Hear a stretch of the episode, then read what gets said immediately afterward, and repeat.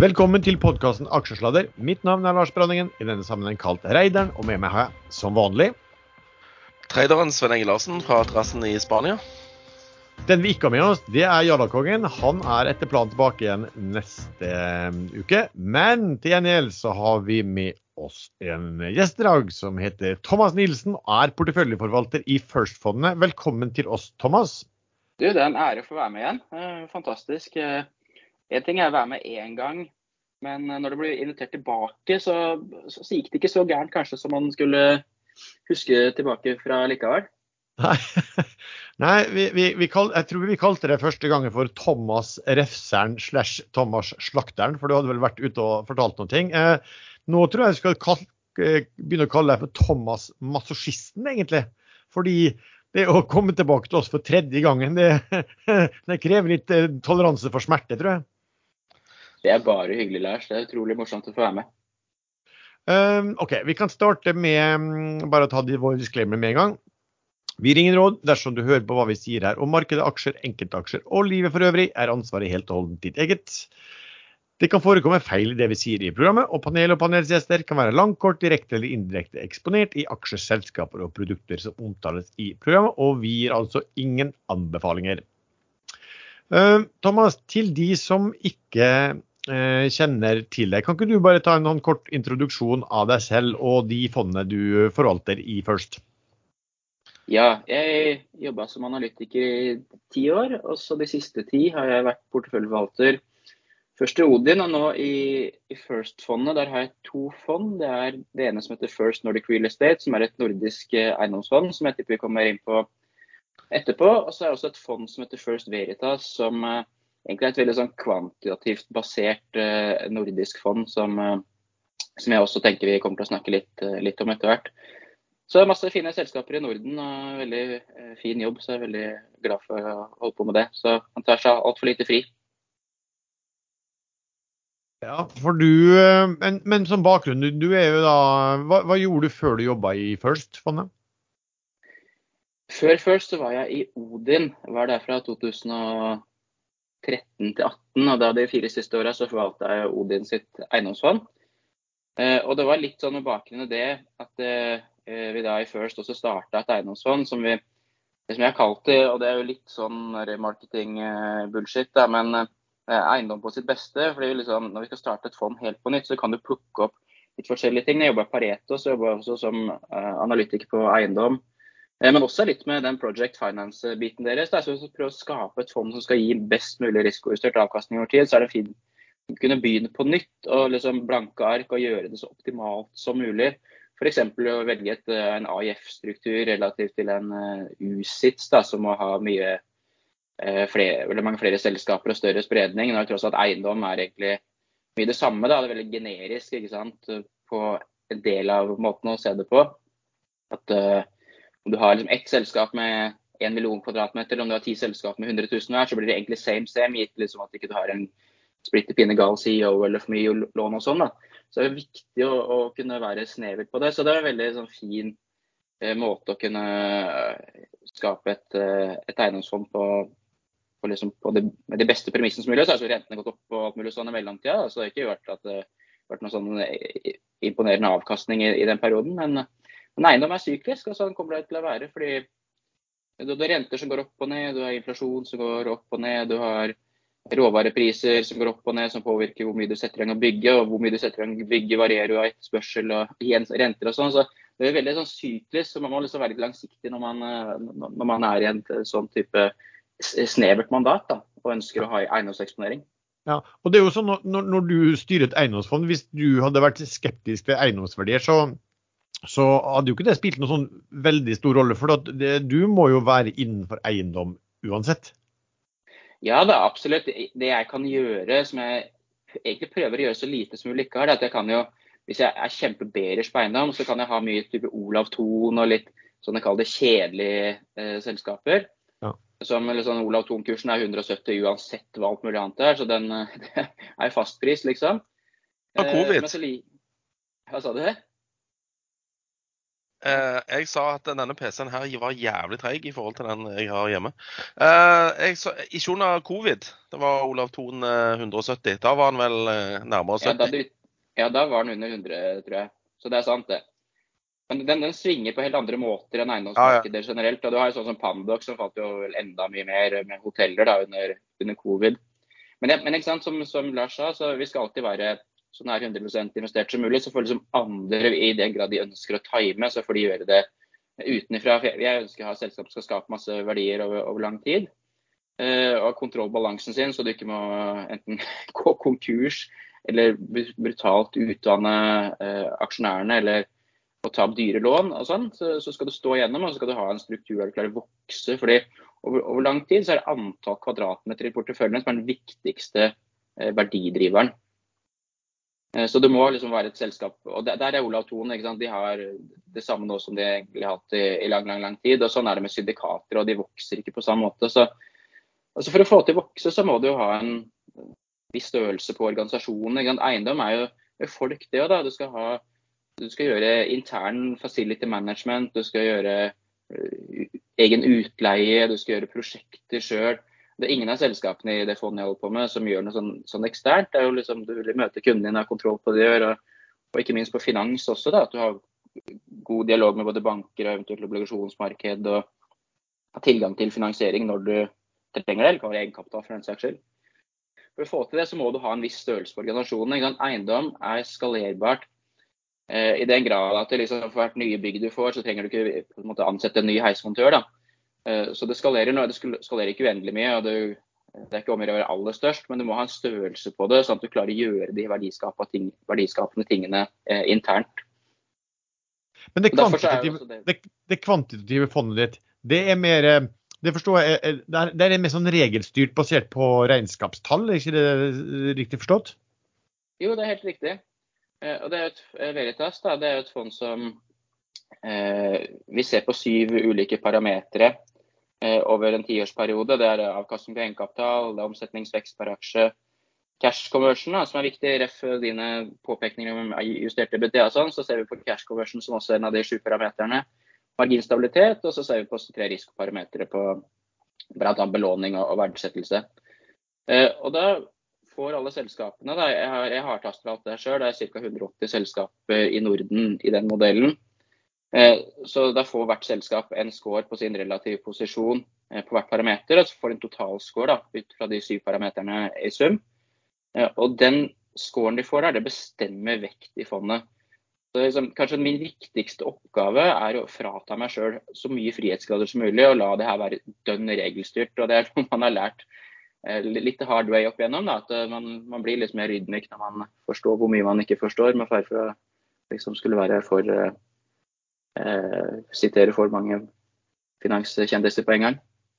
Men, men blir det da sånn at eh, Jeg syns det er veldig interessant å, å, måte å gjøre det på. for du, du, du, du følger jo på en måte en sånn matematisk formel. Men, men blir det da sånn at hver gang det har vært kvartalstall, så må jo du på en måte re, altså, eh, i hvert fall legge nye, nye tall inn i modellen din. Og da får du kanskje litt annen både vekting og, hvem, også hvem som bør inn og ut av fondet? Eh, fondet. Ja, det er et godt, poeng at når jeg taster til kvartalstall, så blir det jo ny score. Du kan si det, Da er det liksom det det er 40 kvartaler i måler, eller, eller 10 år. Så når du liksom bytter ut det der som er 40 kvartaler gammelt og legger til et nytt som er nå, da, så blir typisk ikke endringene så innmari store. Mm. Når selskapet har vært gode over lang tid, så- som de i fondet er, da, for det er akkurat det sikter etter, at de skal være gode på de parameterne, så blir det typisk ikke så innmari mye endringer. Men jeg prøver typisk å rebalansere da etter, eh, etter ny score. Og så vil jo scoren kunne endre seg litt gjennom kvartalet, fordi når aksjekursen går opp og ned da, uten at EPS endrer seg, så vil jo PE-multipperen endre seg. Da, og Det er også en av, en av parameterne vi måler etter. Ja. Så Går en kurs opp 50% eller 20 da, uten at noe annet skjer, så, så vil jo modellen like det mindre. så Da vil jeg jo typisk eh, rebalansere det ned. da. Ja, og, så, og, og de, de ulike, eh, ulike måltallene du har, da, så har du en, en, en ulik ulik vekting av de også, eller har du lik vekting på de? Det er litt ulik vekting. Vi har høyest på egenkapitalavkastning, vekst og, og verdsettelse. De tre er vel ca. 20 hver, om jeg husker rett. Jeg, husker, jeg går ikke og husker så mye på det, her, sånn, for liksom, de har vært det samme eh, lenge. da. Cash conversion er kanskje den som er lavest eh, eh av de.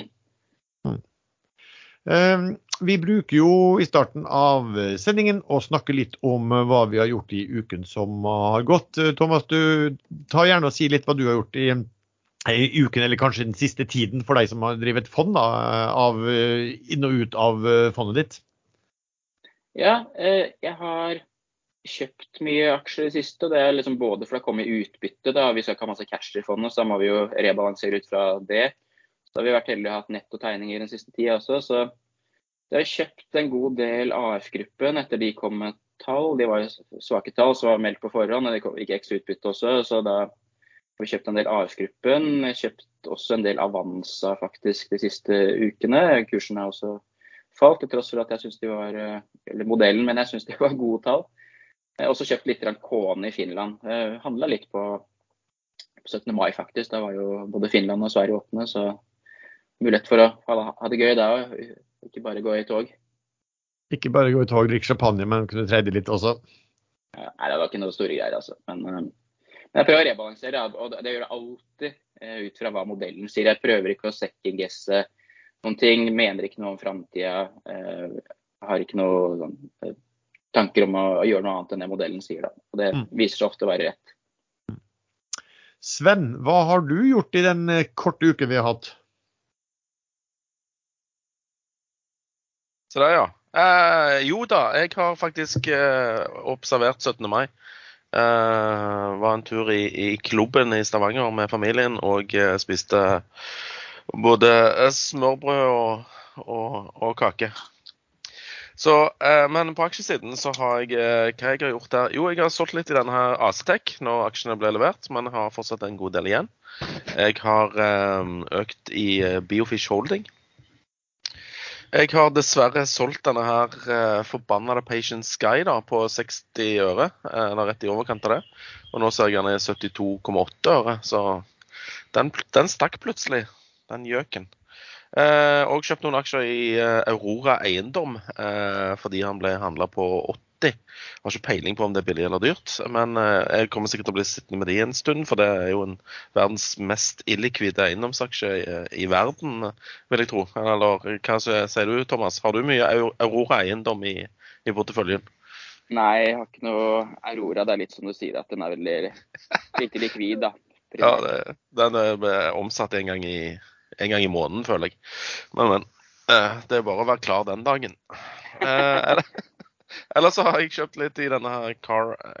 Jeg husker faen ikke hva de heter det lenger. Carbon er tikkeren. Eh, de kom med noen tall som viste at Naven var over to, og han handler på én. Og så det er 50% rabatt. Kanskje det er eh, rettferdig eller eh, rettferdiggjort, jeg vet ikke. Men eh, det, jeg, jeg, tar det som en trade for å se om det skjer noe der. Jeg tror de skulle rebrande selskapet, men eh, vi får se. Eh, ellers så har jeg ikke gjort så veldig mye. Eh, jeg satt og, og fulgte med litt her i USA på kvelden på 17., men jeg gjorde, veldig, jeg gjorde ingenting til Nor norgesvenn, eller gjør du noe særlig utafor også? Nei, det må være spesielle ting da, eh, som gjør at jeg handler utenfor. Eh, når jeg var ung og, og, og lovende, så satt jeg jo til klokken ti hver dag og trada USA etter, etter, Oslo. Men eh, når, når, du får barn og sånn, så blir det litt vanskelig. Skjønner. Ok, For min del, skal vi se. Jeg snakket vel sist gang om at jeg hadde kjøpt eh, Norwegian. Eh, og den steg jo kraftig, så de har jeg kasta ut igjen. Jeg tror den gikk litt videre oppover etter det. Jeg har ikke sett hvordan den har gått i dag. Eh, det kom en stor dump av ganske mange aksjer i Saga. Veldig ivrig selger der. Så da Det var jo en av de egentlig tilnærma solgt meg helt ut av tidligere. Og da var det en grei anledning til å kjøpe en eh, hel del av det. Uh, jeg har vært inne Jeg hadde vel noe Bonheur tror jeg kanskje sist gang også. De har i hvert fall solgt meg ut av med noen kroner i tap. Og så fikk vi disse aksjene i Acetec, der det var en stor emisjon på kurs 3, og vi fikk dem. Og den kursen skvatt opp og det kom plutselig en stor kjøper som flagga at han ville kjøpe på 360. Eh, og da fikk han alle mine aksjer eh, straks, eh, så da er jeg ute derifra også. Eh, den falt vel senere samme dag ned mot ja, på faktisk under 3,1, men har vel kommet seg opp igjen da. Hva er den på nå? 3, så før i hvert fall var den på 3,35. Men, men jeg kikket på den òg på 17. mai. Eh, for jeg var jo ikke så observant da på den 360, for da, da hadde sikkert den fått med mine aksjer òg. Men um, jeg, jeg fikk ikke med meg det. Jeg holdt på med noe annet da. Men så du den, hvordan den uh, ble kvotert i København på 17. mai? Ja, for at den, den debuterte på 17. mai på Nasdaq i København. Den. Ja. Og, og prisen var helt vill. Ja, det var sånn, eh, Siste var bid 350, tror jeg, og det tilsvarer vel 5,34 eller noe sånt på denne tidspunktet. Ja. Så det var jo helt ko-ko. Men Ja. eh, det var, i dag så er den helt hvit. Men er, er København stengt i dag, eller er det, er det åpent? Nei, jeg, jeg, Jeg vet tror på kanskje det er stengt i dag. Jeg, Ja. jeg så en sånn oversikt og jeg, Jo, den er, må være stengt i dag, altså. Det, Hvorfor, hvorfor det? jeg vet ikke. Danmark så har de noen sånne rare dager. Jeg hadde jo en uheldig hendelse her. Eh, Ja, det var en eller annen dag da, som var helt eh, eh, Der alt var åpent. Og så prøvde jeg å handle i, Kjøben, og så gikk det ikke gjennom. Så sendte en sint mail til systemleverandøren vår. At det funker ikke, liksom. Det er noe sånt, som Den store bededag. ja, The Great Prayers Day. Jeg husker ikke datoen, da. Det er sånn første mandag i mai eller et eller annet sånt greier. Ah. Så, så det er mulig at Danmark bare følger Ja. Ja, nå slo jeg opp favorittaksjen til, til Jallarkongen, Ørsted, og, og den var like blank, den. Så jeg tipper det er stengt. Jeg tror det var stengt i dag. Men jeg tror det var sånn, Sven, at altså, det var jo ekstremt eh, lave volumer som gikk i denne Acetec eh, eh, galskap, på galskap. Ja, jeg, jeg, forstår ikke, jeg forstår ikke hvem som hadde aksjer å selge. Fordi at eh, du må flytte de over til det danske systemet for å kunne handle de, da. Ja. Så tror du ikke det bare var noen som satt med, eh, satt med en bunke aksjer da, som ville bare dytte, prøve å dytte opp den kursen her i håp om at det skulle hjelpe til i Oslo i dag? Nei, Det vet jeg ikke, for det var jo ingen aksjer til salgs. Det var jo bare bid. Mm. Det var, gikk en liten post på litt over 1000 aksjer på 2,8 danske. Ellers så må jeg bare Ja, jeg jo, sitter jo på pers- Pasientsky fortsatt. Måtte bare nevne det for å gi et lite stikk til eh, Hvorfor, Sven. hvorfor det? Hvorfor, du på, hvorfor sitter du på den driten? Uh, nei, egentlig bare for så hørte du solgte. Ja, jeg irriterer meg det der. Ja, men altså, Jeg har jo sagt at denne, denne ble- blir bra, men jeg trodde ikke han skulle bli så bra så fort. Nei, men prises vel fortsatt på 70 øre, vel eh, under det man regner for uh, nettcash. Uh, for Ja. Software-selskap, så ja. Altså, og nå nå så dominerte vel 60% eiet av én aktør. Så du vet, når det begynner å bli liten float også, så jo, vet man jo aldri hva som skjer på sånne, sånne selskap. Sånn er det. Eh, vi har fått masse spørsmål fra, eh, fra lyttere, som vi skal ta litt sånn underveis eh, med deg, Thomas, og, og også med deg, Sven. Men det, vi kan starte med, er jo altså Thomas og Sven. Jeg forstår at dere, dere bruker jo begge en del av bruk av eh, algoritmer i, til å handle aksjer. Thomas, kan ikke du bare fortelle hvordan du opererer i, i forhold til det? Jo, det var jeg som spurte om temaet, fordi Sven er jo legendarisk på det. Så jeg tenkte kanskje jeg kan lære et eller annet eh, også. Kan jeg alltid. Eh, Så det er jo mange, og jeg, jeg handler litt mindre nå enn jeg gjorde før. Men i den grad jeg ikke gjør blokker, så prøver liksom være smart. Man må være gni når man skal handle- aksjer og prøve å få så mye når man, som mulig man selger, og vice versa når man, når man kjøper. Prøver, noen meglere har tilgang til disse algoritmene til Goldman Sachs. Og jeg har også hørt at eh, det er mulig jeg husker feil, men at Pareto så tilbyr det til alle å ha tilgang til en del av disse ulike algoritmene. Eh, Og mange aksjer går det jo store volumer i dark full, som er egentlig ganske illikvide ellers. Og andre aksjer går det nesten ingenting i dark pool. Så, så, så det var egentlig Jeg prøver alltid å bruke algoritmer som går i alle markeder, både åpne markedet, men at jeg også kan ligge i darks og, og få volum der, da, som, som du kan ofte få ganske mye.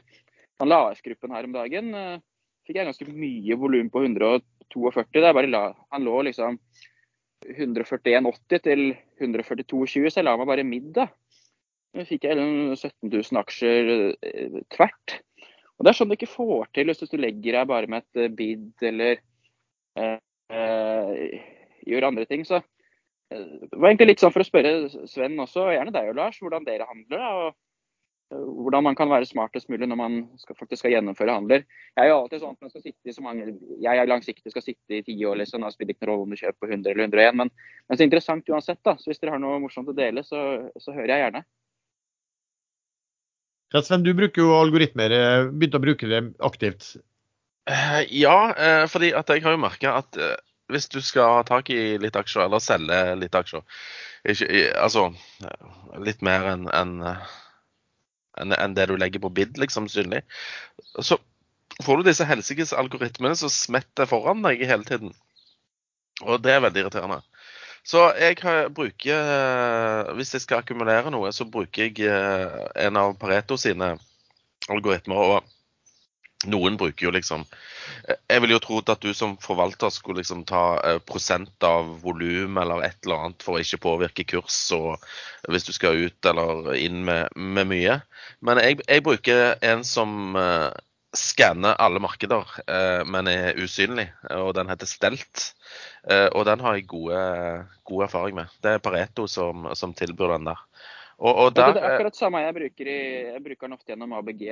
Men det okay. en, den til ABG den heter også at den er en Goldman Sachs-algoritme som de sikkert har kjøpt inn. da. Jeg tipper det er samme i Pareto, for den gjør akkurat det samme som du sier. Ja, fordi han er helt usynlig, og han, eh, han, han bare søker i alle markeder. Så eh, der plutselig kunne du eh, Jeg handler jo ikke så mye de store som du handler, men eh, f.eks. denne Shell, uh, Shell Drilling North Sea. Jeg skulle ha tak i 10 000 aksjer der, og det, der spredden var enorm. Eh, og volumene var små. Eh, og så plutselig så, så, legger jeg inn en kurs der som er litt over bid, men uh,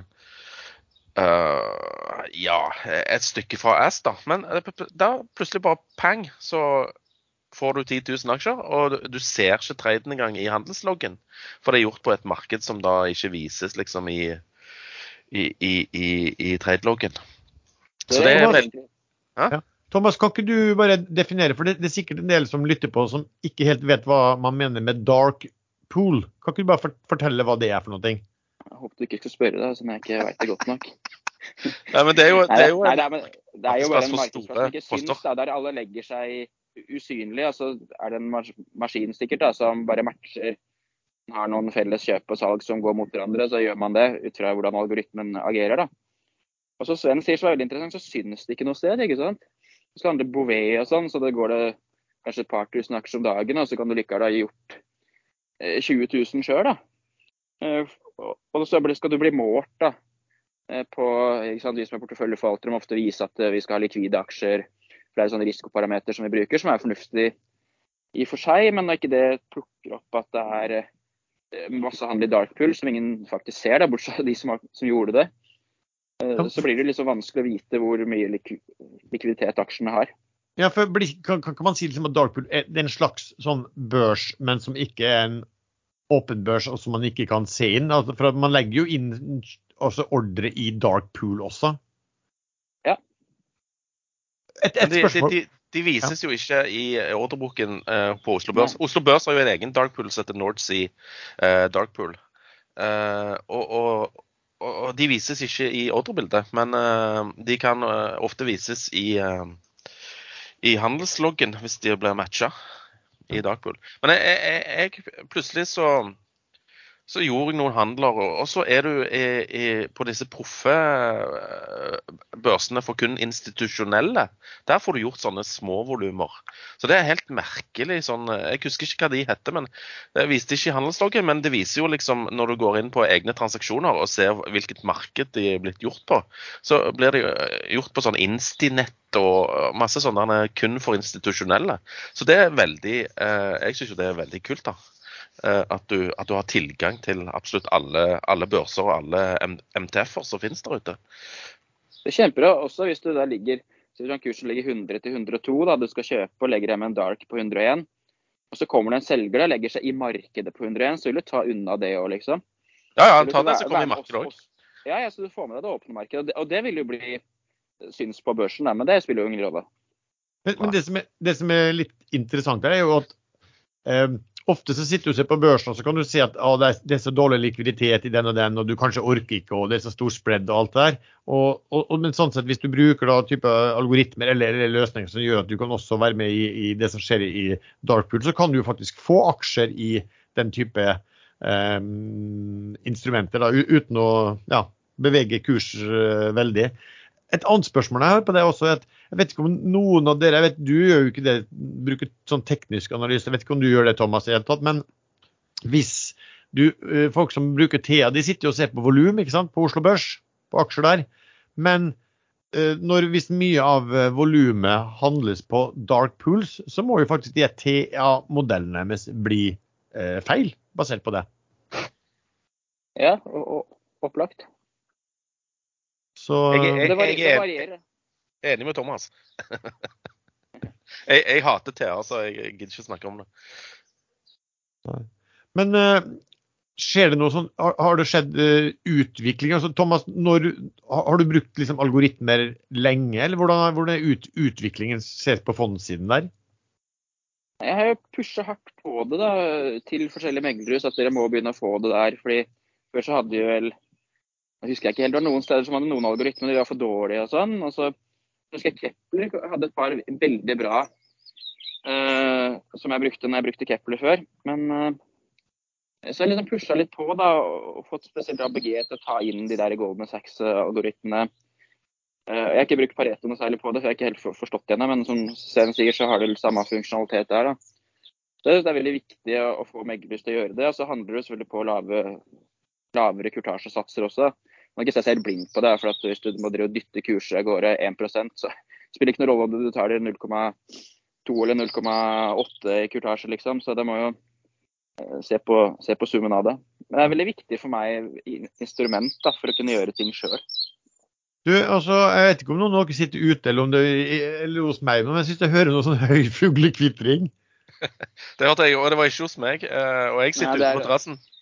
Det, det, er hos meg. Jeg kan ta Nei, det, bare, det var bare sjarmerende, det. Jeg er, på, jeg er på hytta i dag. Ja, altså, men, Jalla, Inne, inneklemt dag. Ja. Jallakongen har også sittet en del ute i den frie naturen, og vi har hørt på det ene og det andre, så det er ikke noe Jeg la ikke merke til det sjøl, men jeg hører det nå. men eh, jeg, jeg, jeg, kan bare liste opp de, derne, de uh, algoritmene som jeg har tilgang til. Hva de heter for noe. Jeg har en som heter Catch, jeg har ikke peiling på hva han gjør. Cobra. Det høres jo eh, greit ut at den hopper opp og bare tar hvis det kommer et eller annet. Kobra eh, har jeg en som heter i Nordea, tror jeg. Ah, ja. Den er altså, akkurat sånn som Stelt. OK. Så jeg har en som heter Covert Dark Only, eh, som bare da eh, og så har jeg òg en som heter bare heter Darkpool. En som heter Fan. Den er veldig bra. Der kan du legge liksom eh, store uh, store volumer, og så synlig volum er bare en liten fis, liksom. Og så kan den liksom drive og refreshe seg hele tiden. Og så min favoritt-algo eh, fra tidligere, Oasis. Men den, den er nå blitt erstatta med Stelt. da. Og så en som heter Over the Day, Participate 10% 20% 30% POV, vet ikke hva det står for. Smart Anonym, Stelt. Og TVAP, eh, Pareto. Ja. Det, det er ganske mange å bruke der, men jeg, jeg bruker nesten bare Stelt. Eh, samme her, Sven. Jeg bruker også bare den ene. Du finner liksom som funker for Av og til fan. Ja, av og til fan. Uh, fordi at jeg, er jo ofte i små aksjer, og der blir folk veldig irritert når det er et eller annet sånt usynlig volum uh, en plass. Da, da, slutter de å handle. Da, da, liker de bedre at det ligger 1000 aksjer uh, på Ask som bare refresher seg. Fordi at Jeg vet ikke, det må være noe psykologisk. Jeg bruker Iceberg innimellom òg, eller hva det heter for noen forskjellige steder. Ja, det blir litt, av det, samme. litt av det samme. Hvis det ikke er noe darks å få tak i, så, så kan man bare legge seg i markedet med et vanlig god, godt gammelt bid, altså. Ja, ja. ja det, det, er old school. ja, det er old school. OK. Um, apropos old school, da er jo jeg old school. For jeg har ikke brukt den eneste algoritmen ennå, men jeg hører at det er på tide å begynne å bruke det. Eller jeg skjønner jo at det er ga, gamle, ga, gamle, folk og teknologi. Det er bare å se på meg med Skypen i dag. Det er faen, det er ikke lett.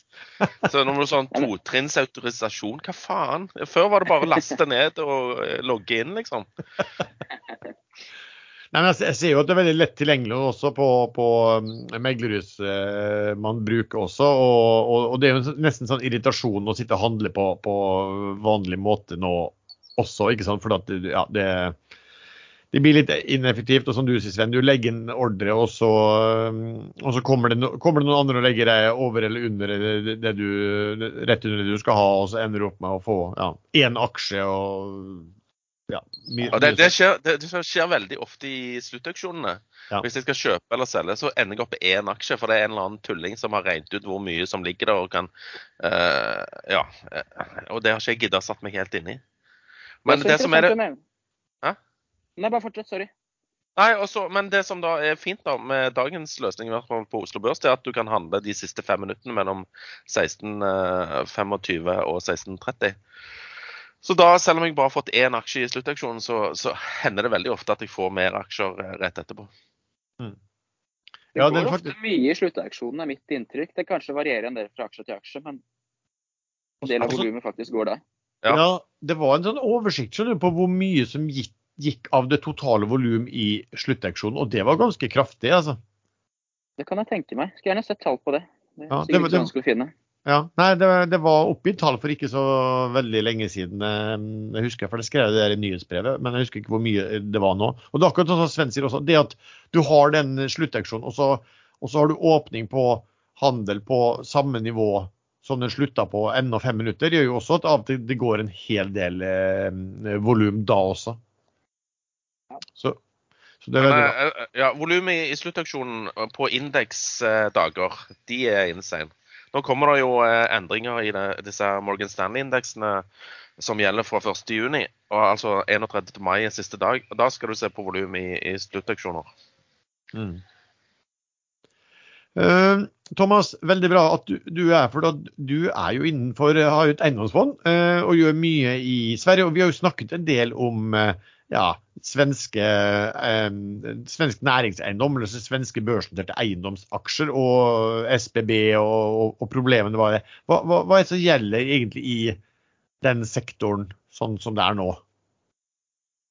Det har jo ikke sant, vært veldig mye moving parts eh, de siste tre åra kanskje, da, fra, fra, covid. Da vi ikke skulle jobbe på kontor lenger. Eller jeg prøver å jobbe så lite på kontor jeg kan uansett, men det er en annen sak. Til kjøpesenter, og eh, all dynamikken der, altså renten gikk, gikk, ytterligere ned ikke sant, gjennom den fasen.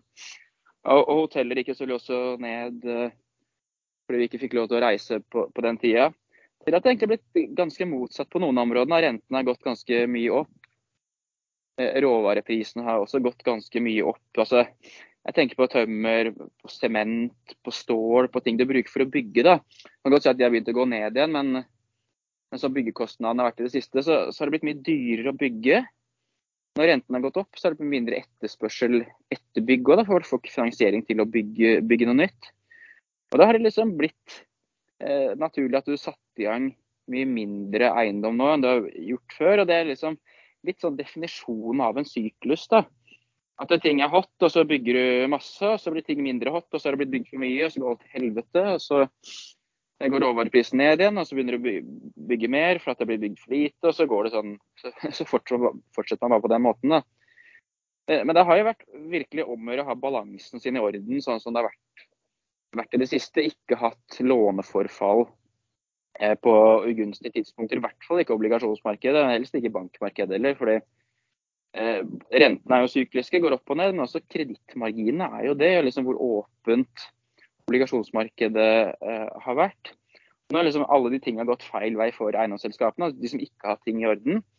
Betaler liksom blodrenter og, eller henter masse egenkapital.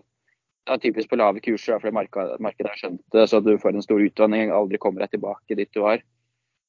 Eh, så det Kontrollbalansen har vært kjempeviktig. så liksom Det andre har gått ganske greit. I Sverige var inflasjonen 11% i fjor. Eller sånn der, det du har fått økning i husleie i 23 versus 22. da.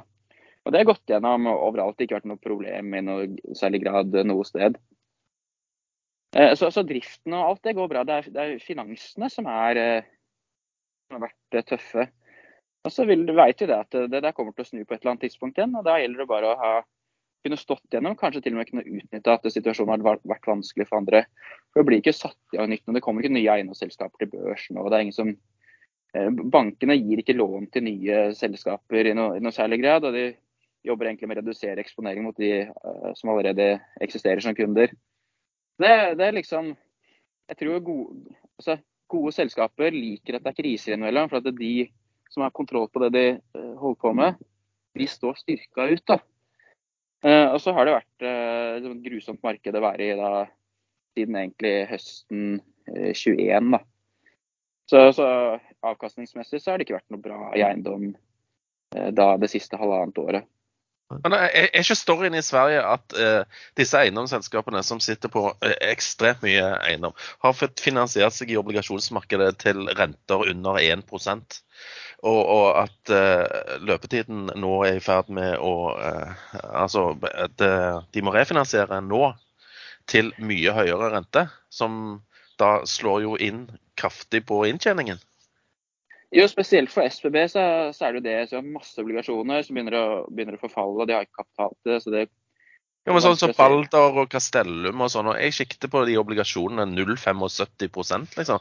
Altså, ja. Eh. Balder, er, Balder er jo gud nå. De har jo betalt tilbake alle sine obligasjoner okay. på lang tid framover. Så, det, så den skjønner jeg. Dette er jo, Nå snakker jeg selvfølgelig min egen bok, da, i og med at det er det største selskapet i fondet sammen med Sagax. Okay. Men så, altså, fra sånn jeg klarer å se det, så er Balder er, er good. da. Castellum gjorde en stor emisjon, ikke sant? en fortrinnsrett eh, på 10 milliarder. Eh, sånn, kursen var 120, den ble satt på var det 62 eller noe sånt. Da, men den var jo garantert i stor grad av Akelius, da, som, en, som ønsker å sette kursen lavt for å få så mye tildeling som mulig som, som han kan få. da. Eh, men, men, de har jo hatt hybrid og sånn, som har vært vanskelig. og det har vært en men de er nå så good nå med den, med den emisjonen, da, som selvfølgelig blir brutalt uh, utvannet for de. Men er det, eh, noen, er det, noen, av disse svenskene som ikke kommer til å klare seg, tror du? SPB tror jeg ikke kommer til å stå gjennom i den strukturen de er i dag. Jeg tror det må bli noe gjeldskonvertering hvis det der skal kunne, kunne gå. da. Det er klart, det var interessant når det der knakk helt når SMP nedgraderte det til, til junk. da. Eh, så falt kursen 25 to dager på rad. Og etter, etter han har falt 25 to dager på rad, så fikk du innsidesalg. Så veit du litt, litt åssen det står til, da.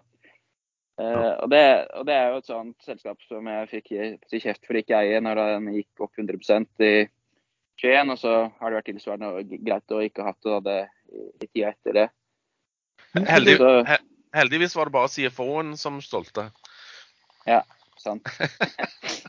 Men, men, når du har sånn, men når du har en sånn bransje som da har altså, problemer, en del rekke selskaper problemer i finansiell struktur, da, så skulle man jo tro at i hvert fall på et eller annet nivå så åpne, må det jo åpne seg muligheter for de som er i hvert fall hvis de har god management og er finansielt eh, sterke. altså Til å skape, skape sin lykke av andres ulykke bruker jo å være en, en, god, en god strategi i sånne. Definitivt. og det eh, også sånn selskap som SLP, eller Swedish Logistics Property, har klart å kjøpe en god del eh, eiendom nå. Det skjer sånn Catena de har satt i gang en del prosjekter nå. fordi det at Entreprenørene da, de har ikke noe jobb, så de må gå ned på prisen. og Så begynner råvareprisene å komme ned etter hvert. Og de som har kapital nå, sant? de kan jo skape gode verdier ut av det. For de aller fleste så er ikke det tilfellet. og Dessverre ikke for Balder heller, så har de kapital til å kunne ekspandere nå. De klarer seg fint, jeg ser det i hvert fall, men eh, de klarer ikke å ekspandere. Så de aller fleste er jo i den situasjonen at du du må liksom bruke alle pengene du tjener til å betale ned gjeld. Du er ferdig med det, og så må du sørge for å overleve, da. Men så har det jo vært litt spesielt da i Sverige. Altså, Sverige har jo hatt etter mitt syn en, en sånn sentralbanksjef som har vært fullstendig hodeløs. De, de, kjørte vel med minus renter mens de hadde inflasjon på 6% eller noe sånt. Eh, og ja, han, han, han, jeg mener at han sentralbanksjefen der, jeg lurer på om ikke han forsvant også ut nå når, når inflasjonen begynte å komme. og Det kan man jo i så fall eh, forstå veldig godt. Ingen vet, jeg, jeg lurte på kanskje ikke inflasjonen var så høy som 6 men de holdt nok sikkert renta for lavt for lenge. og Det er jo lett å, se, å si etterpå, selvfølgelig. Da, så var det selvfølgelig noen som sa det på forhånd òg, men, men, det er klart eh, men, men, det brukte jo da, men det gjorde jo at eiendomsbransjen, altså eiendomsprisene, eh, stakk i været og gjorde at disse selskapene kunne eh, belåne voldsomt for å kjøpe nye eiendommer og ha til en veldig lav rente. Og så, og så møter de sannhets øyeblikk da, når, når markedet får, får, lov til å prise mer, altså rentemarkedet kan, kan fungere litt mer normalt i hvert fall. Jeg vet ikke hva som er normalt, men du har rett i det at mange ga for mye gass. da. Ja. Men, men, du, du har, ja, men du har også et poeng i det som også motparten er, at det er jo at inflasjonen gjør jo også at eh, man, de, de har jo inntekter der som ofte er knytta til inflasjon, sånn at de kan eh, eh, Altså inntektene vil øke eh, i hvert fall, om ikke alt, alltid tilsvarende, så i hvert fall ganske nært eh, inflasjonen også. Ja, men så sier rent, hvis de har betalt rente på 2 det er sånn om du har rente på 4% så er det 100 opp. da. Eh, Og hvis det er inflasjon av 11% så får du 11% høyere inntekter og så får du 100 høyere finanskostnader. Så bør du ikke ha hatt for mye lån i utgangspunktet. da. Ja. Så Det har vært litt sånn situasjonen som har vært. at Nå ser du at eh, inntjeningen til selskapene faller fordi rente, eller effekten av høyere rentekostnader er vesentlig større enn effekten av høyere eh, leiepriser. da. Hvor, Så leieprisene, leieprisene er nok stikket, og rentene vil gå opp og ned. og Så, så jeg, jeg, ingen eh, forutsetninger for å gjette hvor renta skal. altså. Jeg, jeg tenker alltid bare at eh, sånn det er nå, er best guess for, for framtida òg, da. Ja. Hvis renten blir flate herfra utover, så, så, så skal det gå greit. da. hva, hva tenker du da? Men altså, det er jo svensk. Men eh, eh, vi har jo et eh, eiendomsselskap, altså utenom Molo Thon, så har vi jo også Entra f.eks. på Oslo Børs, som vel er eid av noen svenske eh, børsnoterte til en god grad også, vel. Men hva, hva tenker du om et, et sånt selskap? Jeg har ikke eid Entra. og vi, Akkurat nå så har vi 13 selskaper i fondet, alle svenske. Og, grunnen til ikke så Vi eier Balder, og Balder eier jo da 39 av Entra. Så det er den eneste norske eksponeringen vi har, er det Baldra eier av Entra. Jeg har ikke likt Entra fordi jeg syns den har vært sånn overvurdert fordi du har staten som motpart. og Alle vet at staten ikke går konk, eller sannsynligvis skal ikke Norge konk i hvert fall. da. En trygg motpart. Det er, det er liksom en, van, en vanskelig motpart som kjenner sin egen verdi. Eh, bare se på, på Vinmonopolet f.eks., hvor lav leie de får på kjøpesenteret. Fordi de vet at hvis det kommer, Vinmonopolet kommer dit, da, så vil kjøpesenteret øke i verdi. og det, den, den, sin egen verdi kjenner Vinmonopolet. Staten er, er en tøff motpart. da. Eh, lange kontrakter er kjempefint, men det gir deg liksom ikke mulighet til å kunne eh, videreutvikle eiendommene dine på samme måte. Det er litt sånn som de sa når jeg jobba i Pareto, at hvis du skal tjene mye penger, må du gjøre noe som er vanskelig. Å ha staten som motpart med 15-årskontrakt, det er ikke så vanskelig. Derfor så mener jeg at Entra har liksom blitt overvurdert pga. Det, det poenget. Da, at du kan få mye bedre selskap med mye- bedre verdiskaping til en lavere pris, eh, som har sånn andre kan du si, offentlig finansierte motparter. Uh, jo, du nevnte jo litt uh, makro. Sven, du bruker jo å gi oss en liten sånn oppsummering på hva som skjer innenfor makro. Er det noe har, som har skjedd uh, siste uken? Nei, det, så, jeg, denne uken så må du faktisk ikke spørre meg, for jeg, jeg kan ikke huske noen ting annet enn 17. mai. Og, og, og fri dagen etterpå. Og, og en eh, russ som endelig er ferdig med russetiden sin. Så eh, det har vært litt veldig uh, jeg, jeg har ikke fulgt med på makro. Har det vært noe makro? Nei, det kom, vel, kom det ikke noen tall i går på noe sånn arbeids... Eh, sånn førstegangssøkende og litt sånt der som vel var Jo, men de kommer jo hver uke, så de, de gidder jeg i hvert fall ikke følge med på. Nei, de Det jeg følger med på jobbtallene som kommer liksom første fredagen i, i måneden. ja, og, og inflasjon. Og, og, det, ja, og inflasjon. Ja. Men det, det foregår vel litt eh, rundt det berømmelige gjeldstaket i USA? Jo, sånn men utvikling tro- der? det kommer jo til å ordne seg. Altså, hvor mange ganger har de heva dette gjeldstaket? Det er ikke få ganger. Og de kommer til å gjøre det denne gangen òg. De, de kan ikke risikere default. Det, det vil jo sende sjokkbølger gjennom hele verdensøkonomien. Ja. Sånn Trump anbefalte vel liksom rep republikanerne om å sørge for å få en de default på det her, da. Men Ja, jeg tror ikke de hvorfor det? Han vil jo bare lage mest mulig helvete, ikke sant? Ja, Så det er jo ikke så, det jo ikke så um, eh, vanskelig også. Nei, Jeg tror, det, jeg tror det ordner seg. Det pleier alltid å gjøre det. Det har også vært en diskusjon stadig vekk om penger på sidelinjen også. Så litt sånn interessant statistikk var det. Det var vel i Wall Street Journal jeg leste det der, som sa at eh, de typiske institusjonelle de hadde vel en lavere aksjeandel enn hva de vanligvis hadde, og det minste de hadde hatt på et, på et, år eller to. Men det som var at disse hedgefondene Eh, de hadde, det var de som i stor grad hadde de mente sto bak den oppgangen, spesielt da i USA hittil i år. Jeg vet ikke om den er opp 20 over 20 hittil i år, Nasdaq. Fordi at de hadde allokert mye, mye mer penger til til eh, aksjer. Fordi at volatiliteten eh, ble lavere. Og da, da, da, ga det noen signaler på deres eh, kvantdrevne ja, men det, det, er fortsatt bare et eh, fåtall aksjer i denne Nasdaqen som drar, drar hele markedet. Ja. Det er jo de store så, som får alle pengene. Ja, det er vel fem stykker som, som drar veldig mye av oppgangen. Er det ikke sånn? Ja. Jo. Det er gjort studier på det her, han Henrik Bessenbinder, som han heter, som viser hvor mange eller hvor få aksjer som gjør uh, hele, hele meravkastningen. Da. Over halvparten av aksjene på børsen det være enten i minus eller under risikofri, risikofri rente. Så hvis du kaster en dartpil på børssiden i Finansavisen, så, så, får du mest sannsynlig mindre avkastning da, hvis du kjøper den ene. fordi de fleste gjør det dårligere enn snittet, mens det er noen som gjør det veldig mye bedre enn snittet. Mm.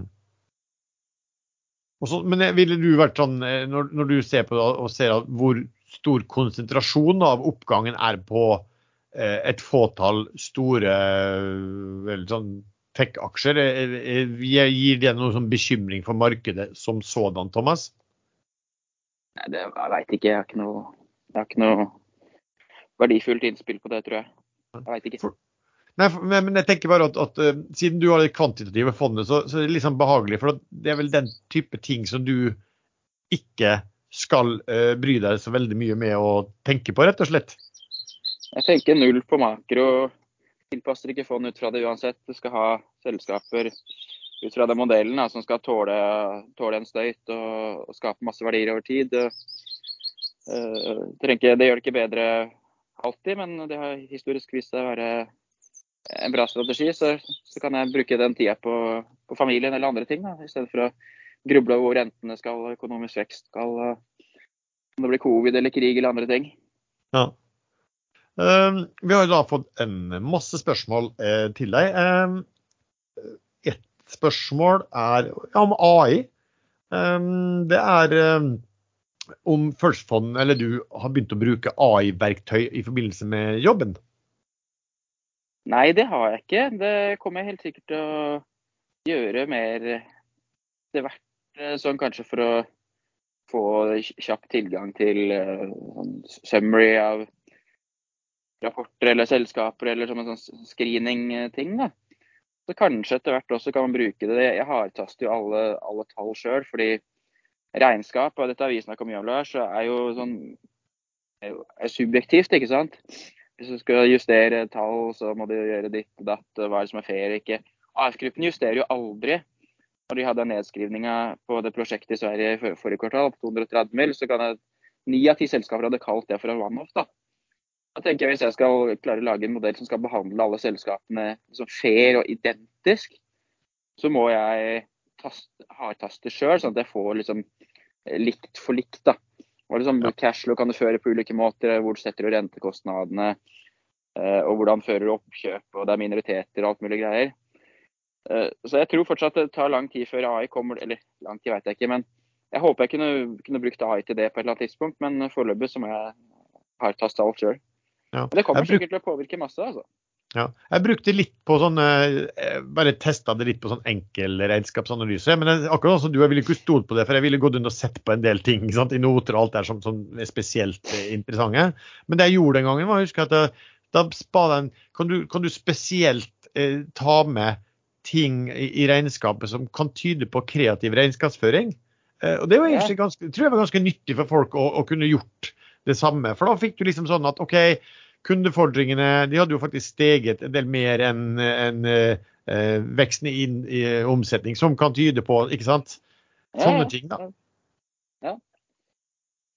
Så, ja, så, det kan det sikkert brukes mye til å sammenligne. Det har vært sånn tekstgreier jeg har vært før òg, men du kan se liksom ulik wording, og hvis de endrer ting litt fra rapport til rapport, eller det, noen sånn type setninger som, eh, som man plukker opp som typisk selskaper som jukser sier, eller noe sånt, så kan godt hende at det kan være nyttig med AI til det. Mm. Jeg kan ikke så innmari mye om det, altså, for å være helt ærlig. Nei, det kommer til å skje veldig mye på området, så det, blir, det vi snakker om i dag, er vel fort eh, obsolet om seks måneder.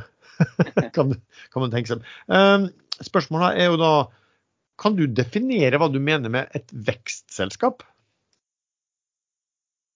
Ja, Hvis du skal se på MSCI World Growth, så definerer du vekst ut fra litt forskjellige parametere. Men det er, vekst kortsiktig og litt lengersiktig på omsetning og på, på resultat.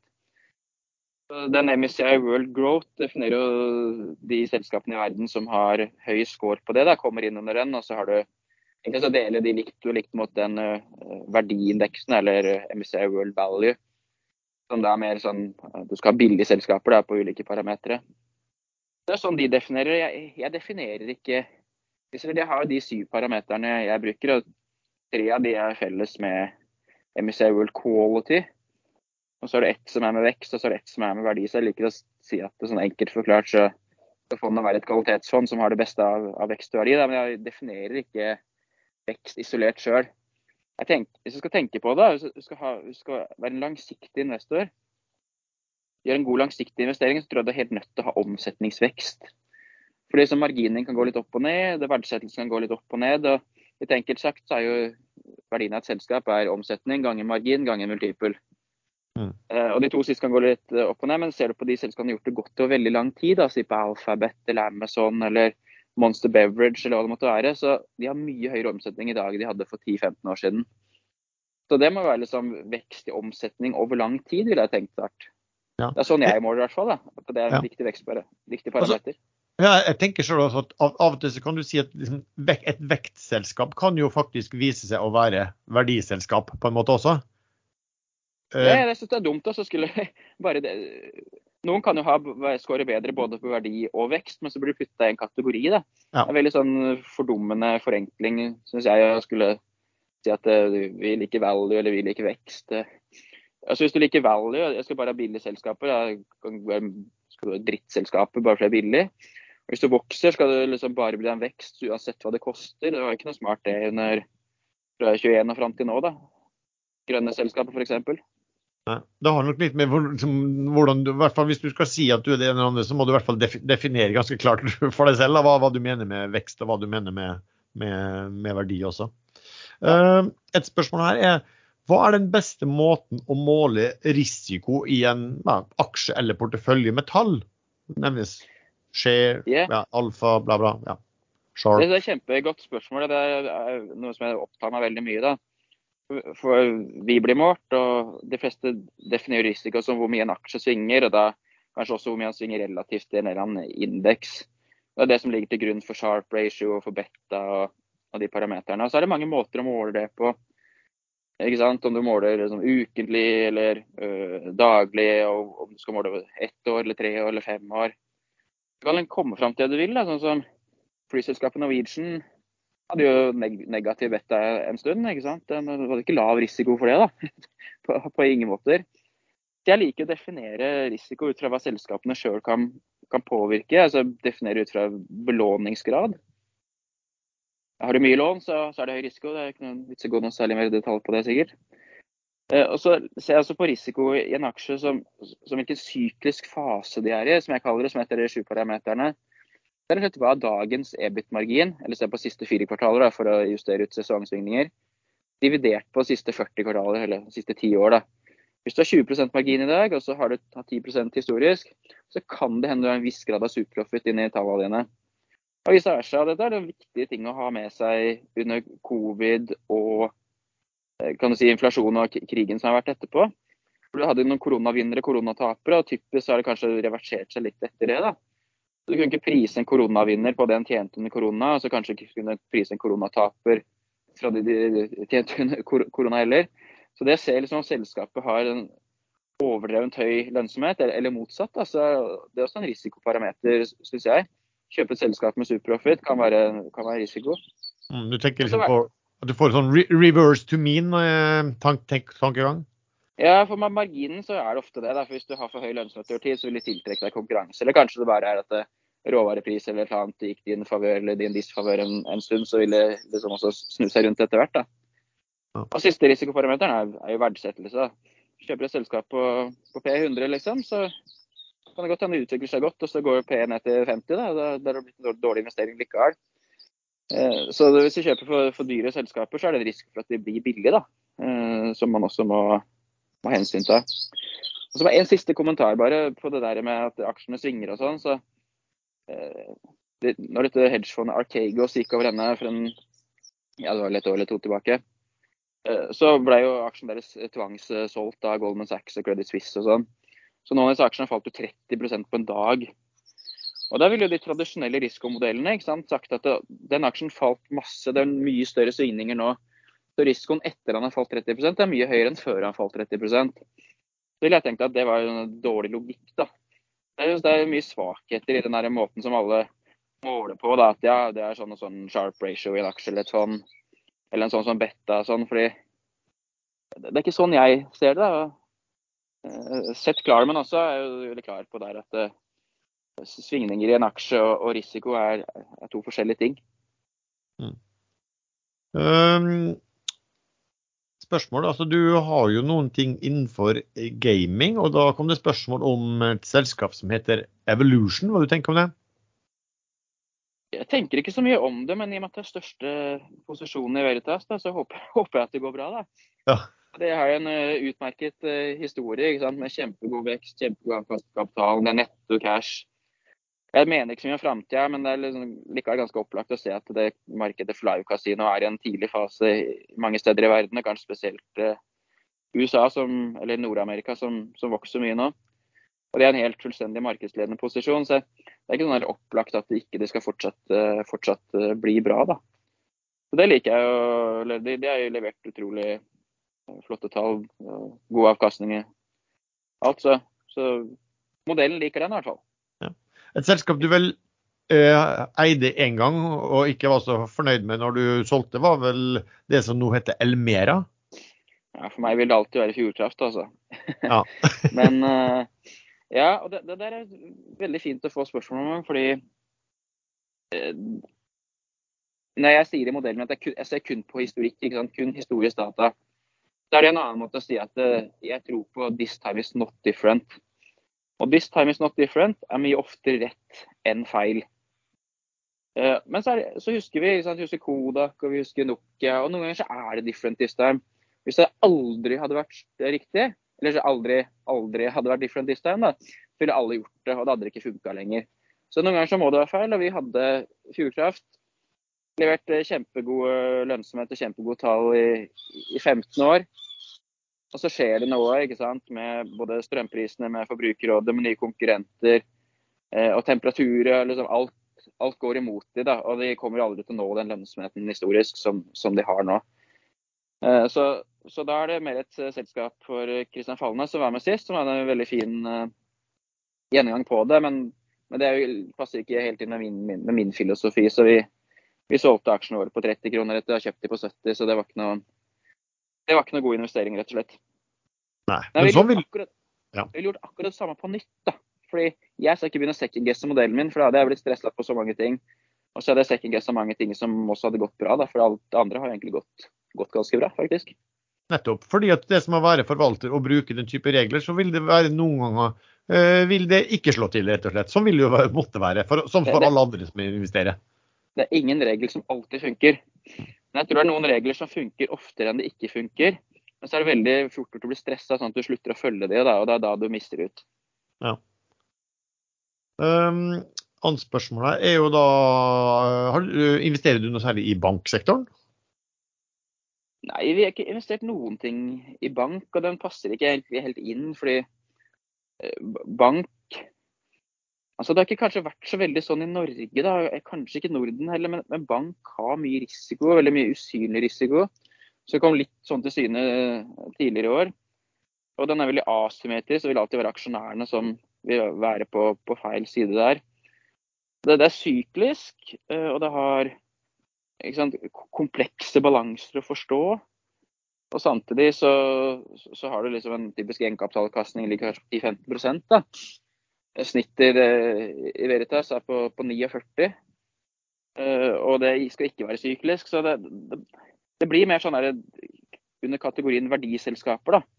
eh, rent. Og for meg så Jeg forstår ikke regnskapene godt nok da, til, å, eh, til å kunne forsvare å investere i det. Nei, og, og, kanskje noen av måltallene dine er litt vanskeligere. altså Du bruker jo mål sånn cash conversion og sånn, og det kan jo ofte være litt vanskelig nesten å forstå og, og, i en bank. Ja, det har du helt rett i, Lars. Det, det hadde også vært vanskelig å lage modell på det på den måten.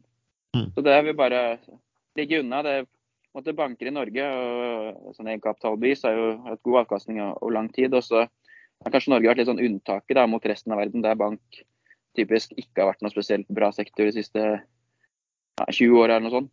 Ja. Hva med sånne selskap som har gått voldsomt på børsen, som har vært litt oppmerksomme nå? Så Kitron har jo hatt en, en, veldig fin utvikling over en god del år, sånn aksjekursmessig. Hva tenker du det i forhold til, til det fondet ditt, Veritas? Ja, jeg, Kitron var det første selskapet jeg begynte å følge i 2004. Og da var det et skikkelig drittselskap, for, for å være ærlig. Det, det, var emisjoner, og det var dårlig det hadde for mye lån, og det hadde dårlig uh, execution og alt. Så, så I min verden så har det gått fra å være et dårlig selskap til å være et kanskje mer middels uh, selskap, da, som samtidig og kanskje litt drevet av at de har fått en ny, ny ledelse som åpenbart har gjort en god del bra ting. Eh, samtidig som at markedet veldig i ryggen. Og Det ser de også på at de andre eh, tilsvarende selskaper i Norden, enten det har vært Note eller eh, Hansa eller eh, Incap eller de andre, generelt har gjort det godt i den perioden. Så, så, så Kitran skårer ikke noe godt hos meg. Det har han aldri gjort. det. For meg det har kanskje vært turnaround-case som har vært uh, vellykka. da. I motsetning til de fleste som, som ikke, ikke, er vellykka. Så den har vi ikke, den har vi ikke fått med oss. og vil aldri få, vil aldri få med turnarounds i min, uh, i min filosofi. Mm. Uh, hva, hva, med, hva med shipping? det svinger for mye, det også. Jeg har prøvd å lage noen modell på Wilhelmsen en gang uten at jeg eller ga vel opp litt sånn halvveis fordi det, det ble for dårlig tall. da. Og Det blir også for de som kanskje har mer sånn fingerspitzgefühlen på, på det markedet. Eh, men uh, i sum så har de hatt svake regnskapstall i, i, en del år, og mange har gjort mye emisjoner, så det er vanskelig å sammenligne det nå med før. det, det vil heller ikke falle helt typisk under min, under min filosofi. Nei, litt fordi at, eh, at eh, inntjeningen år for år er så veldig volatil. Er, er, er, liksom, er det noe i Veritas at du, du, når du, du, du, sier du følger med på 40 kvartaler og, og, du vil kanskje ikke ha de som varierer sånn, du vil ha noen som viser en mer jevnere utvikling? Er det noe, det noe sånn i parameterne?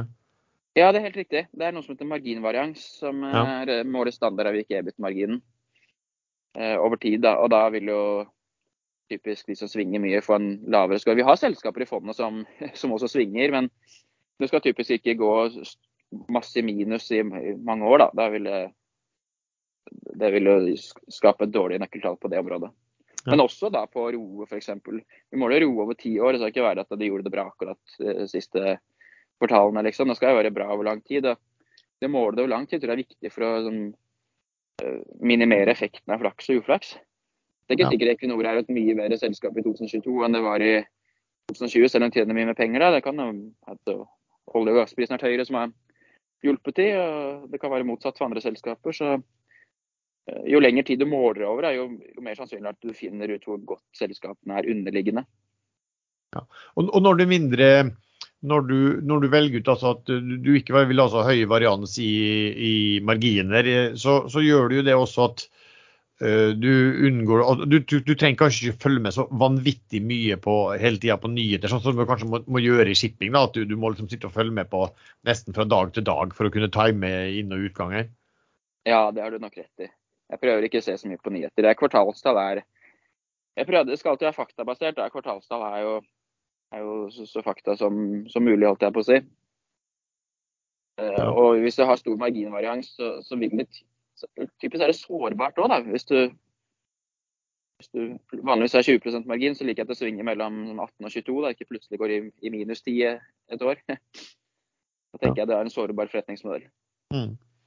Uh, her er også et bra spørsmål. Så hva, hva har du for strategi Si at du sitter i en posisjon eller har flere posisjoner innen en sektor, og du ser at den posisjonssektoren, altså kursene, bare, bare faller og faller.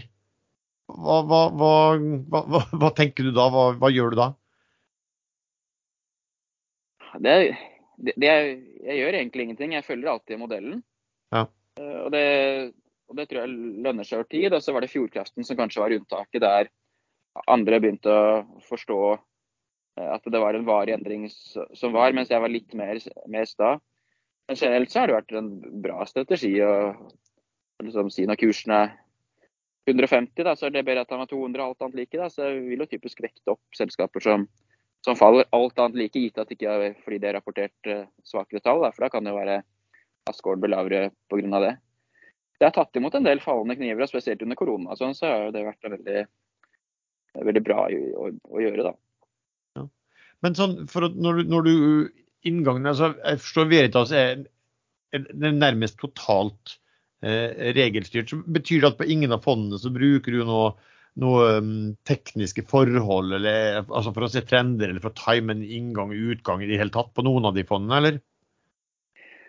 Nei, I utgangspunktet ikke. Og så er det no, noen eh, selskaper Vi solgte ut aksjene våre i ABG tidligere i år, i Veritas.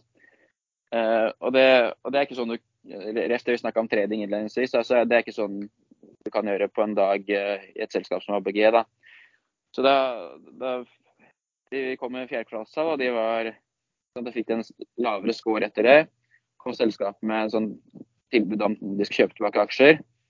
Eh, så da tok vi det og ringte de og sa at eh, dere kan få kjøpe aksjene våre. da. Eh, så da, da var det liksom en sånn naturlig exit. Så, men, men ellers er det som du sier, jeg gjør det der helt mekanisk. Men noen ganger så må du liksom vente på en anledning byr seg. Du kan ikke begynne å herje masse med illikvide selskaper og dunke de opp og ned. eh. Sånn, så du må liksom være litt eh, så, Hva kaller man det? Ja, være litt smooth rett og slett da, i sånne pro Ja. prosesser. Ja. Et artig spørsmål her, da. Kan, kan ikke Thomas slakte et selskap eller to? Ja. Eh, jeg, har ikke, jeg har ikke noe på stående fot. eh, det burde jeg selvfølgelig sikkert hatt. Jeg er jo? Jeg er jo long on, only, da, så vi kan ikke shorte noen ting. Og hvis jeg hadde kunnet det, så er jeg sikkert dritmøtt på det, fordi det er fortere å ha bedre selvtillit enn man har grunnlag for å ha der. Nei, jeg, jeg veit ikke. Jeg skal tenke på, tenke på det til neste gang. Eh, Men, men, du, men, du, har jo fort, nei, men du har jo fortsatt sånn altså, du, du, Jeg vet jo også du bruker i forbindelse når, når det er eh, regnskapssesong, så vet jeg at du ofte kast, kommer med et par eh, bet ut, eller du, du, du biter litt på, på i Twitter-kommentarer og litt sånt der også på alle de som eh, er så ivrige på å justere tallene sine gode. Ja, Det er ikke noe bra tegn. og Hvis du skal justere, da, så, så man ser på justeringer over tid. At de skal liksom gå i null tid, sannsynligvis. Da, hvis du alltid justerer det opp. Og sånn selskaper sånn som f.eks. Embracer, da, som, som kaller det EBIT, og så tar de bort eh, avskrivninger på, eh, på, på immaterielle eiendeler på de selskapene du kjøpte opp. Så det heter ikke EBIT, det heter EBIT-A. Og har tatt masse andre justeringer, så er ikke det noe sånn der typisk eh, kvalitetstegn. Nå har det Embracer også kommet litt tilbake, men det er en del sånne ting da, som klassisk ikke er noe jeg liker. da. Uten at jeg har brukt nok tid på det selskapet isolert til at det skal være slakt. Også. Men, eh, men er det mye røde flagg, da, så bør man kanskje vurdere å heller mange andre aksjer å kjøpe. Ja, for, at, ja, for at du, man får en sånn følelse av, av eh, risiko. Altså det er også sånn noen ting jeg ser på, så tenker du at OK, kanskje det kunne vært bra å kjøpe det likevel, men du, du, du holder deg bare unna fordi at eh, eh, hvis det blir gærent, så blir du så ekstremt irritert på deg selv, for du så jo det faresignalet der fra før, og det er så mye annet å investere i. Ja, jeg følger bare modellen på det, altså, så prøver jeg ikke å irritere meg over det på noen måte hvis det går verken en eller andre veien. Det, bare ikke tenke på det, bare være helt notorisk på å følge det sånn som man har sagt man skal gjøre. Så, så har det blitt min eh, oppskrift eh, over tid. Du, Sven, eh, hvis du eh, er her fortsatt og ikke har falt i søvn over eh, fuglekvitringen Det var, føltes liksom som å være med sånn Sverre M. Fjelstad på, på, på norsk TV. Men Sven, eh, har du eh, fulgt med noe på rigg i det siste? Du hadde en sånn update på supply, og så vet jeg at du har ofte fulgt med på rigg. Er det noen sånn nyhet hva som foregår nytt i forhold til riggsektoren? Nei, Det eneste jeg har fått med meg, er at uh, Vår og Equinor skal bestille uh, Altså, de søker til rigger. Og så eh, At det kan bli utsolgt i Nordsjøen. Det er jo uh, bull for de som eier rigg, da. Så det, det vitner om et stramt marked. Og det var vel noen greier nede i Brasil nettopp som fikk relativt gode rater. Så det er vel ikke noe annet å melde enn at happy days are here again, liksom. Ja, for norsk sokkel har jo vært ganske eh, det, jo det, det har jo vært kanskje det mest skuffende området vel innenfor eh, riggsektoren. Ja, Eh. men det, det var vel en som stakk fra Nordsjøen og så plutselig det var en Transocean-rigg, og da er det plutselig litt mindre tilgjengelig. Ja, og pluss at da når, når Equinor og Vår skal begynne å bestille for 2024-2025, og det er vel noen som sier at disse sjefene rundt omkring i oljeselskapene de går litt i takt, og når noen ser at de begynner å bestille, så blir andre kanskje også redd for at det her kan gå kan, eh, kan bli eh, press og gå tomt. da. Ja, og altså, Det er jo den samme feelingen også for disse konstruksjonsskipene, eller store HTS-ene som kan drive med konstruksjon og, og sånne ting. Eh, at det, det er en fare for at det blir utsolgt i Nordsjøen. Ja, jeg så, så forresten det sto noe i dag også om at eh, sånne PSV-er, der var det, der var det tilnærmet utsolgt i, på norsk side, og nå hadde det også begynt å ta seg opp på britisk side der også, for den britiske siden har vært ganske svak også. Så, så sånn er det. Eh, er det noe mer eh, noen av dere har lyst til å snakke om av temaet, eller skal vi komme oss over på den vi bruker å ha som ukens favoritter? Nei, jeg, jeg, jeg, må, jeg, må spørre, jeg må spørre Thomas om Du, du, du starta jo en sånn podkast. Ja.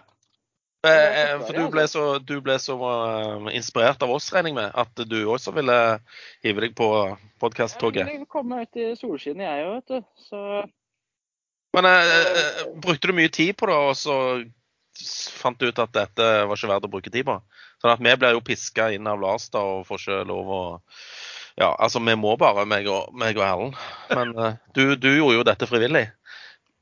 Ja, ja. Nei, jeg, jeg syns det er gøy, da. Og så tar det mye tid, og øh, jeg fikk en øh, datter i midten av mars. Jeg tenkte at jeg må, noe må jeg kutte ut for at livet skal gå opp, og da, da fikk podkasten ryke. Så får vi se liksom, om det går an å blåse liv i det på et senere tidspunkt. Men, øh, dere er superflinke, og jeg føler bare en nyte å kunne få vært med hos dere. Ja, jeg, jeg sendte jo en melding til deg rett etter du annonserte at du la ned podkasten. Aldri mer podkast eller et eller annet du skrev eller noe sånt. Og så sendte jeg melding om, eh, om, om du hadde lyst til å være eh, gjest hos oss i framtiden. Altså var det én podkast du kunne tenke deg å være med i, og det var den du er i nå, da. Ja, så jeg er veldig heldig som har fått, fått lov til det. Nei, det er Ja, du skulle bare visst. Og, og det er gøy, altså. Så, det, men, det, men det krever, krever tid, som dere vet. Så Hører du dette, her, Lars? Ja, jeg, jeg sitter jo helt Jeg bare måper overalt jeg hører her, så jeg sitter helt, helt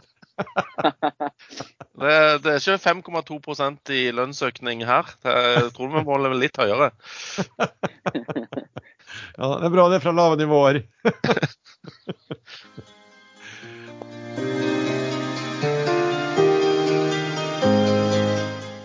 Aksjesladder sponses av tredjemegleren IG.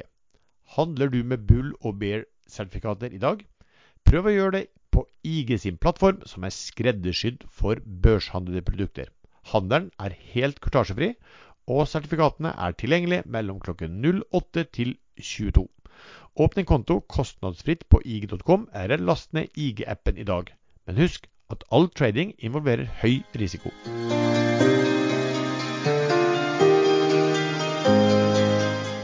OK. Uh, Thomas, få høre. Har du noe uh, ukens favoritt eller favoritt-R for tiden? ja, jeg er jo litt sånn lenger enn uke til uke, selvfølgelig. Og vil jo, jeg er sånn der kjedelig beinhold, eh, holdt jeg på å si. da. Det er de største i fondet, som modellen har mest stortro på Veritas, er jo Evolution, som jeg nevnte i stad.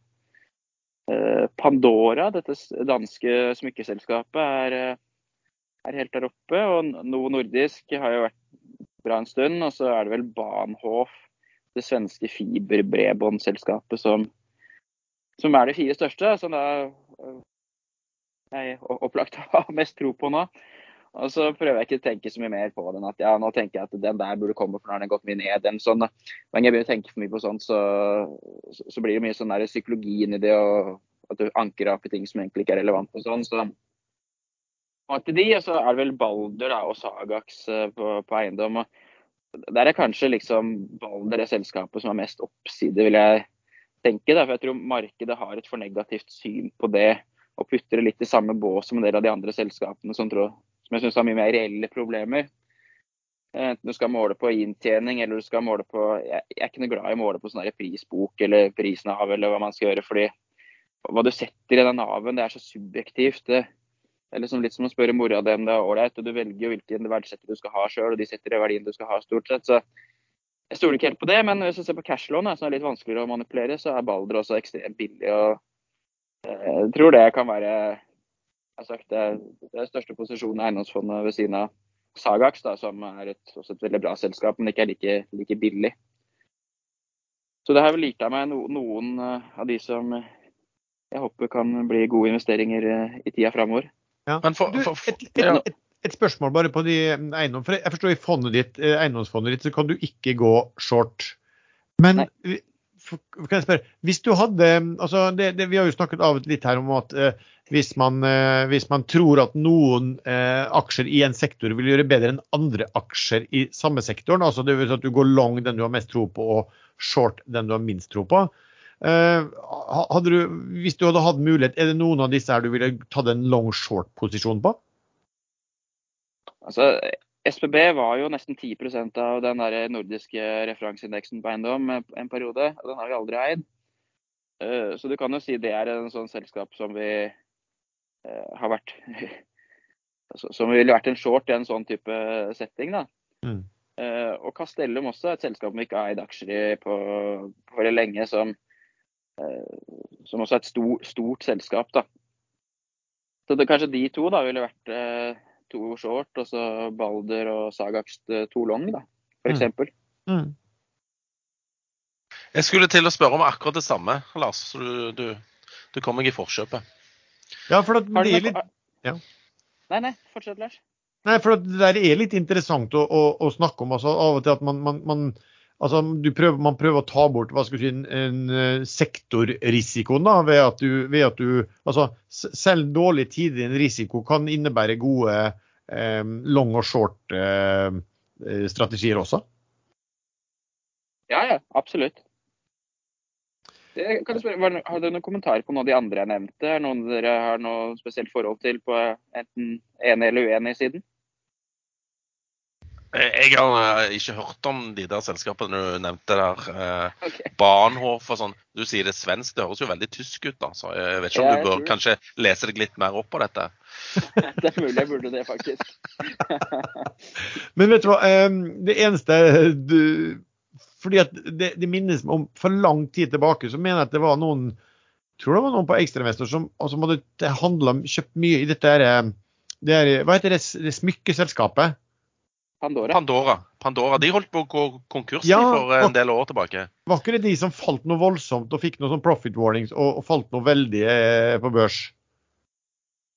For en del år siden. siden. de hadde for en del år siden, så, så, så tror jeg det var for mye smykker ute i butikkene. da. Og Det er litt sånn vanskelig regnskapsmessig å se det, fordi hvis det er en franchise-modell eller ikke, så, så klarer du ikke helt Du vil ikke se det i cashlån, på en måte, at det er noe som her kommer til å bli mye, mye, mye lavere framover. Men så har de bytta management etter det. Alt det her er med i min modell, for det skjedde for innen ti år siden. Men de leverte ikke dårlig da heller, det var bare en god del dårligere enn en før det. da. Så det har jo, altså, Pandora har en roe da, de siste ti åra på 58% en sånn årlig snitt. da. Så Det har vært en imponerende historie som ser over tid, selv om de hadde da, eh, som du påpeker, helt riktig no, noe rusk. Som også det blir straffa for i modellen min på marginvarians f.eks. Ok, Sven, har du noe spesielt for uh, kommende uke? Jeg, eh, jeg har glemt å sagt at jeg har solgt de der Horisont Energi-aksjene. jeg har begynner å få et sånn uh, hatforhold til det selskapet der. Um, for jeg, de kommer jo med tall og mye cash hadde forsvunnet. Og, men det var jo kanskje fordi at uh, alt begynte å gå til helvete uh, mot slutten av det kvartalet. Uh, så kanskje ting går bedre nå, men jeg stoler ikke helt på han Bjørgulf.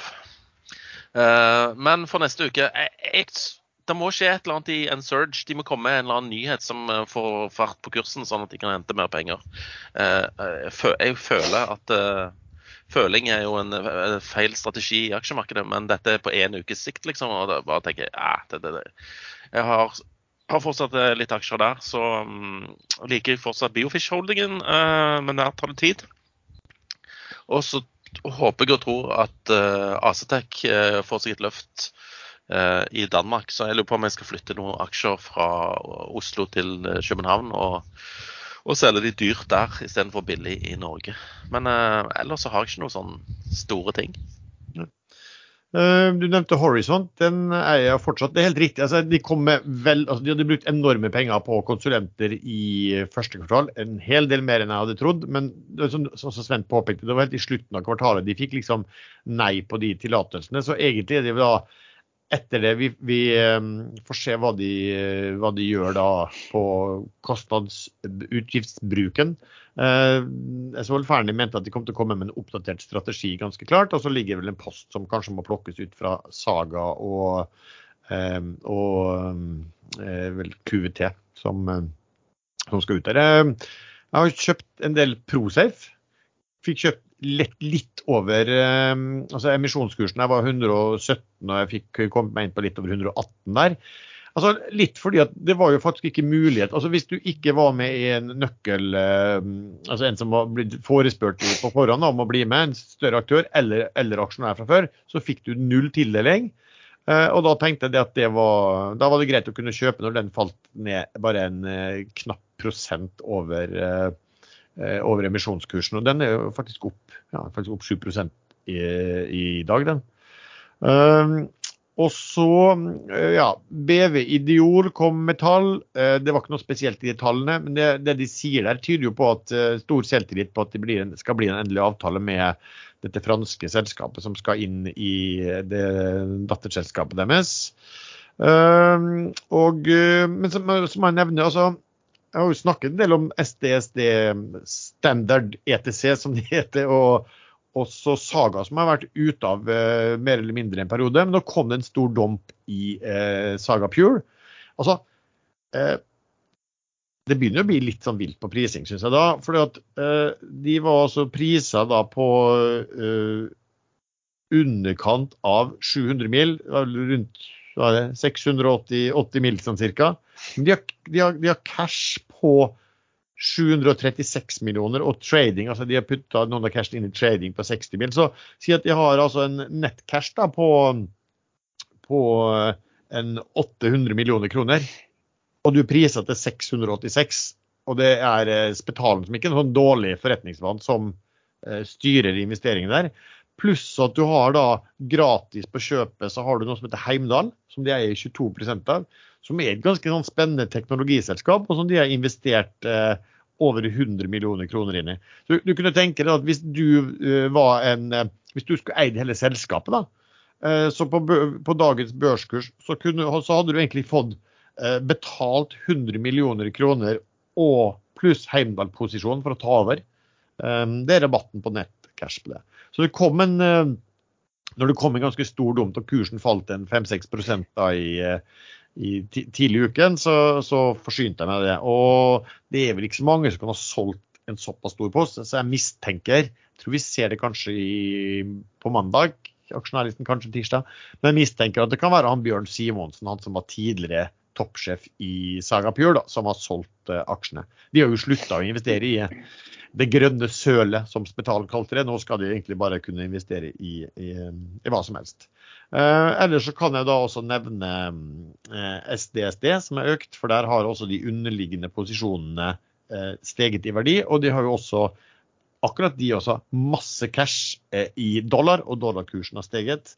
Der var Naven nå tidligere i dag nede på 0,68 ganger bok. Og her er Naven ekstremt lett å regne, for den består jo av cash, aksjer i Dolphin Drilling og aksjer i Standard Supply. Um, regner du bort cashen og tradingposisjonene til Reifs, du regner etter 100% verdi, så var det faktisk 52% verdi på de underliggende eh, i dag. Men, men, men nå syns jeg du begynner å bli litt sånn mye fanboy her, da, av han Spetalen. Nei, altså Men, du, du, du, jeg sa jo sist at SD sto for uh, Spetalen, Spetalen dominert. Ja. Men uh, det, det kan òg stå for Spetalen discount. Ja. Ja. Jo, men eh, altså, all den tid du har de store rabattene, så hvor, du må jo ha en grunn til det. Ikke sant? Eh, Folk mener jo at det ikke er uten, uh, uten grunn. Det er klart, Når du ligger, ligger stille med store cash-posisjoner i en, en, en lang periode, og så er jo folk ekstremt undrende til uh, et selskap som uh, kan kjøpe aksjer i markedet til langt under nettcash, og det er et investeringsselskap, altså, så, så, så framstår jo det som helt eh, eh, merkverdig. Jeg, jeg tror at folk sier til Spetalen at det er merkverdig, og så mistenker jeg at jo flere som sier det til han at det er merkverdig, jo mindre lyst har han til å gjøre noe med det. da. Men eh, jeg synes bare jeg rabatten liker, blir for stor, rett og Jeg tror ikke han liker å høre på andre. Det kan nok godt eh, være at, at det er sånn. Men eh, altså, hvis man tror at de kan gi en eh, anstendig eh, Investere de pengene på en anstendig måte i framtiden, så, så er det veldig gode eh, aksjer å kjøpe. Tror jeg i hvert fall. Så det er noe sånt som jeg har hva, hva skulle vi putta inn i min eh, inn i min langportefølje, og så får vi se hva de, hva de kan finne på med pengene, og, hvordan disse kan utvikle seg da i, i, i standard ETC. Og det, det jo, kan du nevne at dette med Dolphin Drilling er jo at de har markedsføringsrett, og de har vel egentlig en slags kjøpsopsjon også på to nye sånne harsh environment-rigger eh, som eh, er vel ferdig på Keppel-verftet. Og det er vel snakk om at det er jo noen ting som kan passe veldig godt inn på eh, på norsk sokkel, og når vi da ser dem begynne å snakke om at Equinor og Vår skal ha rigger, og, det blir, og man snakker om at her blir det vanskelig å få tak i, så kan det jo plutselig være at de, det kommer en, en kontrakt på over flere år på, eh, på de riggene. Da. Så vi får bare se. OK, eh, noe mer vi skal eh, ta opp da, eller skal vi ta eh, helgen etter å ha hatt to fridager allerede? Det er bra. Eh, Thomas, tusen takk for at du igjen var sporty og stilte opp for oss. Veldig hyggelig å få være med igjen. Takk for det. Håper, du kan, eh, kan stille opp eh, senere en gang også. Veldig gjerne. Så takker vi så mye til deg som har lyttet til denne episoden. Du treffer vi i panelet stadig chattene inne på Ekstrainvestor. Vi har også en egen gruppe på Facebook som heter podkasten Aksjesladder. Musikken er som vanlig laget av sjazz.com, og vi høres.